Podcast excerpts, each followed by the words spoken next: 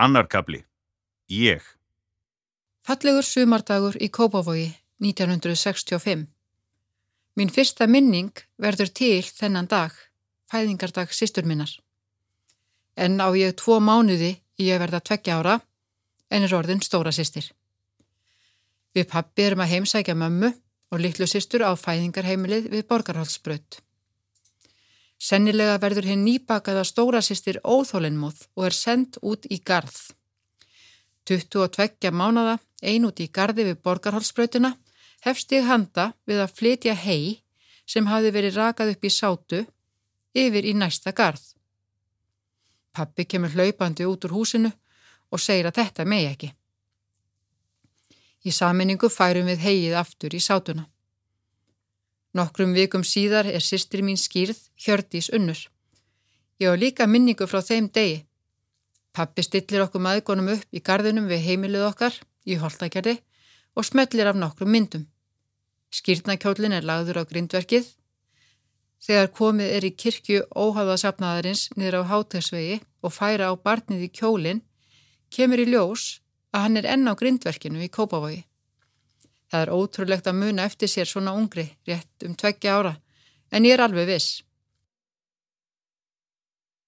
Við sýstur ölumstu upp í Kópavogi sjöunda áratögarins. Mamma er heima hjá okkur, pappi er fréttastjóri á vísi. Væntanlega líða dagarnir við leik og gleði. Við fylgjumst með Kópavogi þróast, hýtaveita leysir ólíukyndinguna af hólmi og hólóttar götur eru ólíumalarborðnar. Lok ágúst 1969. Við mækurnar erum í heimsókn á vinkonu mömmu á fjörðu hæð í blokk við háaleitisbrödd. Við erum að kveðja. Mamma stendur myndarleg við útidyrnar. Þriðja barnið myndi fæðast á næstunni. Skindilega er allt á floti. Mamma hafi mist vatnið. Hún er drifin inn í rúm hjónana þar sem hún liggur í tvo daga áður en hún er flutt á fæðingardeilt landsbítarars við Ringbrödd þar sem bróður minn, Karl Pétur, fæðist. Ég verði eftir hjá þessu indislega vinafólki mömmu, Cecilíu og Gunnari og dóttur þeirra Guðrúnu, nokkrum árum eldri en ég. Þarna á háalætisbrötinni er ég í góðu yfirlæti í tvær vikur. Ákveðið hafði verið að mamma færi í æðarnúta aðgerð eftir senguleguna og það þýtti halfur mánuður á sjúkrahúsi í þá daga. Heimsóknir barna voru ekki leiðar og ég man eftir mér sitjandi á ganginum fyrir framann sjúkrastofuna meðan pappi heimsækir mömmu. Bóti máli var að ég fekk að sjá fallega bróður minn gegnum glukka á vökkustofunni. Ég tók hlutverki mínu sem elsta sýstir alvarlega og oft reyndu sískininn á þólrifin, sérstaklega kannski litli bróðir sem var uppátvækja samur með afbreyðum. Þegar ég var tvítug egnaðist pappi sónin Arnar með setni konu sinni. Í dag veit ég ekki hvar ég væri án þessara sískina minna sem eru meðal minna allra bestu vina. Ég man hvað ég hlakkaði mikið til að byrja í skóla. Oft satt ég á sófabakinu og horfið út um gluggan og fyldist með stóru krökkunum ganga með skólatöskurna sínar á bakinu í kásnaskóla. Bak við sófan bjó ósýnilegi vinnu minn, hann Kjút, með mömmu sinni. Nafnið hans held ég að ég hef fengið frá saumaklubnum hennar mömmu. Það var altså Kjút hjá þeim. Við sýsturnar vorum aldrei í leikskóla og sexára bekkur var ekki í bóði fyrir minn árgang. Það var því stolt sjö ára stúlka sem hóf skólagöngu haustið 1970. Ég var laungorðin læs og reyndar hafði Hjördís sýstir gert sér lítið fyrir og lært að lesa um leið og ég, án þess að nokkur tæki eftir. Skólagangan gekk vel, reyndar var ég kannski helst til baldin fyrstu tvö árin, en var held ég fyrirmynda nefandi að mestu eftir það. Eftir einn vetur í Gaggó, þingkólskóla, fluttum við sískininn með mömmu upp í Breitholt. Mamma og pappi voru skilinn Skilnaðurinn var mér mikið áfall. Næstu ár gekk á með skíni og skúrum. Fóreldrar okkar tóku saman og skildu nokkrum sinnum. Mamma stóð sér vel með okkur þrjú, vann á fastegnarsölu og jafnvel auka vinnu í sjöppu líka. Hún hafði þann sið að bjóða okkur krökkunum út að borða í byrjun mánadar og oft fórum við á myndlistarsýningu áður. Hún var alltaf menningarlega sinnuð og áttu bókmyndir hug hennar allan. Hún gerði sitt besta, gaf okkur til að mynda skíðabúnað og skuttlaði okkur á rauða datsuninum upp í Bláfjöll. Pappi var alltaf til staðar fyrir okkur. Það var engin skipurlöð umgengni, við bara heimsóttum hann niður á dagblað í síðumúlanum þegar okkur hendaði, hlupum út í sjóppu og fengum pilsu og nammi. Þarna á dagblæðinu kynntumst við mörgum ungum bladamönnum sem áttu eftir að gera gardin frægan. Pappi var líka alltaf til í að skuttla okkur, hingað og þangað. Við gistum aldrei hjá honum og svona eftir á að higgja held ég að það hafi verið gott fyrirkomulag, þó álægið hafi eflaust verið meira á mömmu fyrir vikið. Eftir tvö ár í hólabrekkuskóla fór ég í Vestló. Við Marget Vinkona tókum strætó úr breyðholtinu niður í miðbæ, sex daga vikunar. Já, það var kent á laugardögum líka. Verslu árin voru skemmtileg og vinskapur myndaðist til lífstíðar. Ég let plata mig út í fyrirsætustörf og fegurdarsamkeppnir.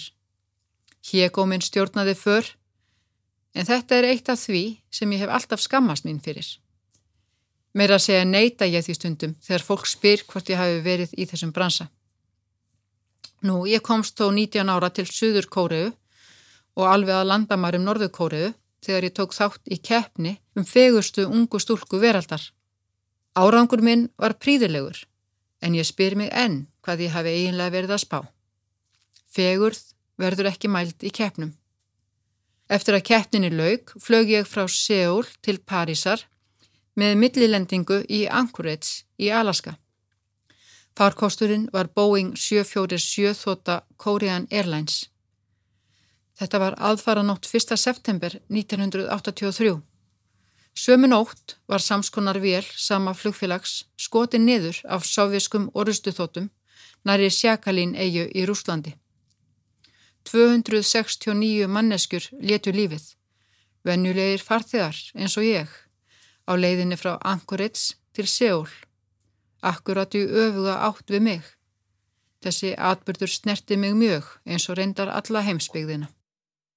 Hollywood var vinsalæsti staðurinn á vestlóarunum og letum við ynga vinkona okkur sjaldan vanta á diskóljósagólfið um helgar.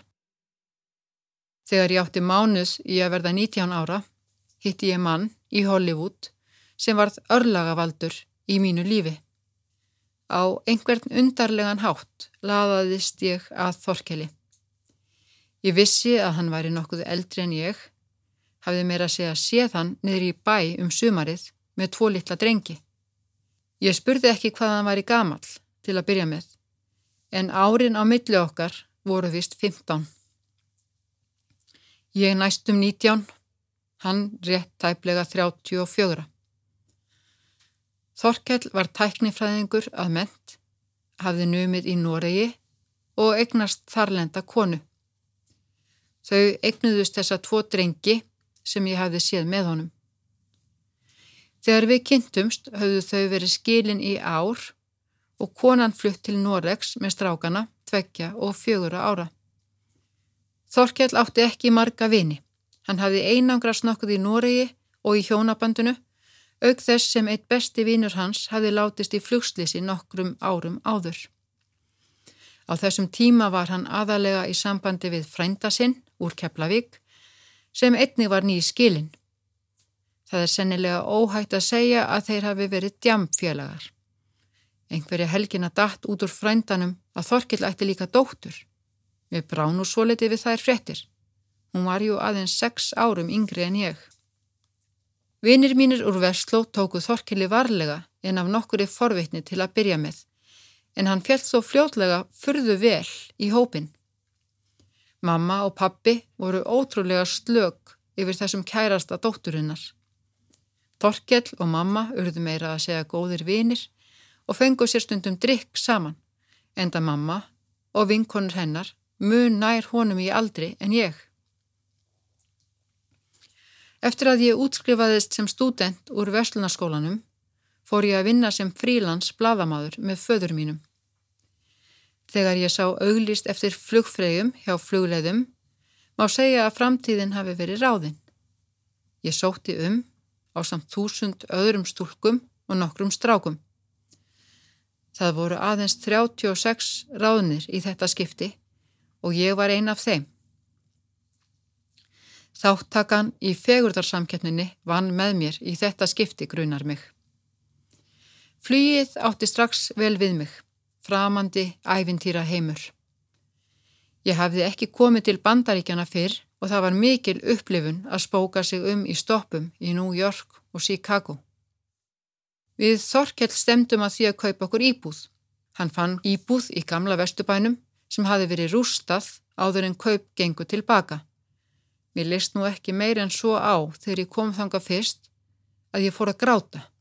Þorkell sá þarna tækifæri en það var hann einstaklega verklægin og duglegur. Við keiftum þessa íbúð í því ástandi sem hún var og Þorkell vann baki brotnu við að gera hana íbúðarhæfa. Við lögðum hart af okkur til að fjármagna kaupin og breytingarnar. Nokkru eftir að við fluttum inn sáum við auglistan hlut í fyrirtæki í rafmagsbransanum í morgunblæðinu. Þorkell svaraði auglisingunni og úrvarð að hann keifti sig inn í þetta fyrirtæki sem var mjög gamalt en hafiði mátt muna fívilsinn feguri. Undir stjórn Þorkells ógs fyrirtækið og dapnaði. Þorkell var afar klár, rekstrarmadur og tæknimentaður að auki. Hann var alltaf stoltur af því að hafa unnið sig upp á eigin spýtur. Í ársbyrjun 1989 urðu stærstu tímamót í lífi mínu þegar ég fætti mitt fyrsta barn. Fullkomna dóttur, 11 merkur, kavlóðin hafmyggjupakki sem fekk nafni Nína Hjördis. Þegar næsta dóttir, Fríða, var væntanlega í heiminn fimm árum síðar, var farið að síga á ógæfu hliðina hjá Þorkeli. Ég hefði auðvitað séð það strax þegar við kynntumst að hann var alkoholisti ef ég hefði haft hann þroska og reynslu sem ég hef í dag. Ég var orðin verulega óanægð með ástandið og hann valdi að fara á vók. Þessi fyrsta meðferð dugði í nokkra mánuði en vandamálið var alltjent viðukent. Fríða fættist um mitt sumar 1994, alveg jafn, indisleg og stóra sýstir. Á þessum tíma hafðum við komið okkur fyrir í rathúsi úti á Granda og eignuðumst þar góða vini og nágrana. Ekki var allt búið enn í badnegnum. Naburt kvöld í november 1999 mætti Jarabirna á svæðið, nokkuð stór og mjög reið til að byrja með, en varð fljótlega lítill fallegur ljúflingur. Okkur gekk allt í hægin, svona á yfirborðinu allavega. Stúlkurnar okkar stóðu sér vel og voru til fyrirmyndar í kvívetna. Við vorum farin að reka húsgagnaverslun samhliða ráftækjabúðinni og ég vann í fyrirtækjónum þegar ég var ekki að fljúa. Í leini lág bakkus og stjórnaði heimilislífinu. Afbríðisemi og tortrygni Þorkels fór verulega ítla með mig og hjónabandið. Aldursmunurinn var farin að segja til sín. Þorkell fór aftur í meðferð í byrjun ás 2001. Hann gerði sér vel grein fyrir brestum sínum og vildi gera betur. Verst var að ég var orðin svo brend að ég átti erfitt með að gefa honum færi á að sína betri hlýðar. Á förstu daginn langa, 2004, hætti Þorkjellóks að reykja. Þriðju daginn eftir páska tilkynnti heimilisleiknirinn okkar honum að sérst hefði eitthvað óæðilegt í röntgenmynd af lungum. Ég var stött í Ameriku í stoppi með fríðu dóttur okkar. Þorkjell ringdi og saði mér þetta. Ég tók þessu ekki alvarlega Afneitunin var algjör. Einhverjum dögum setna kom í ljós að Þorkell var með krabbamein í lunga. Hann fór í aðgerð þar sem hálft lunga var fjarlagt. Allt gekk vel en því miður hafði meinið drift sér. Við tóku tvö erfið ár. Fyrra árið var ég í afneitun og trúði því að allt myndi blessast. Setna árið fór ég að gera mér grein fyrir að hverju stemdi. Þorkell lést 25. mars 2006 heima hjá okkur, umvafinn fjölskyldu og vinum. Ég var orðin ekja, 42 ára gömul. Stelpurnar mínar stóðu sig eins og hetjur. Ég hef oft fyrðað mig á því hversu yfirvegaðar þær voru í sorgarferlinu. Reyndar hef ég líka spurt mig hvort ég hef ekki left þeim að sirkja. Ég tók þá stefnu að halda áfram fór í öll bóð og uppákomur sem buðust. Við vorum til að mynda mættar allar fjórar í páskabingó í skólanum viku eftir að heimilisfæðurinn lést. Það er alltaf hægt að efast um hvort maður hafi gert rétt í aðstæðum sem þessum.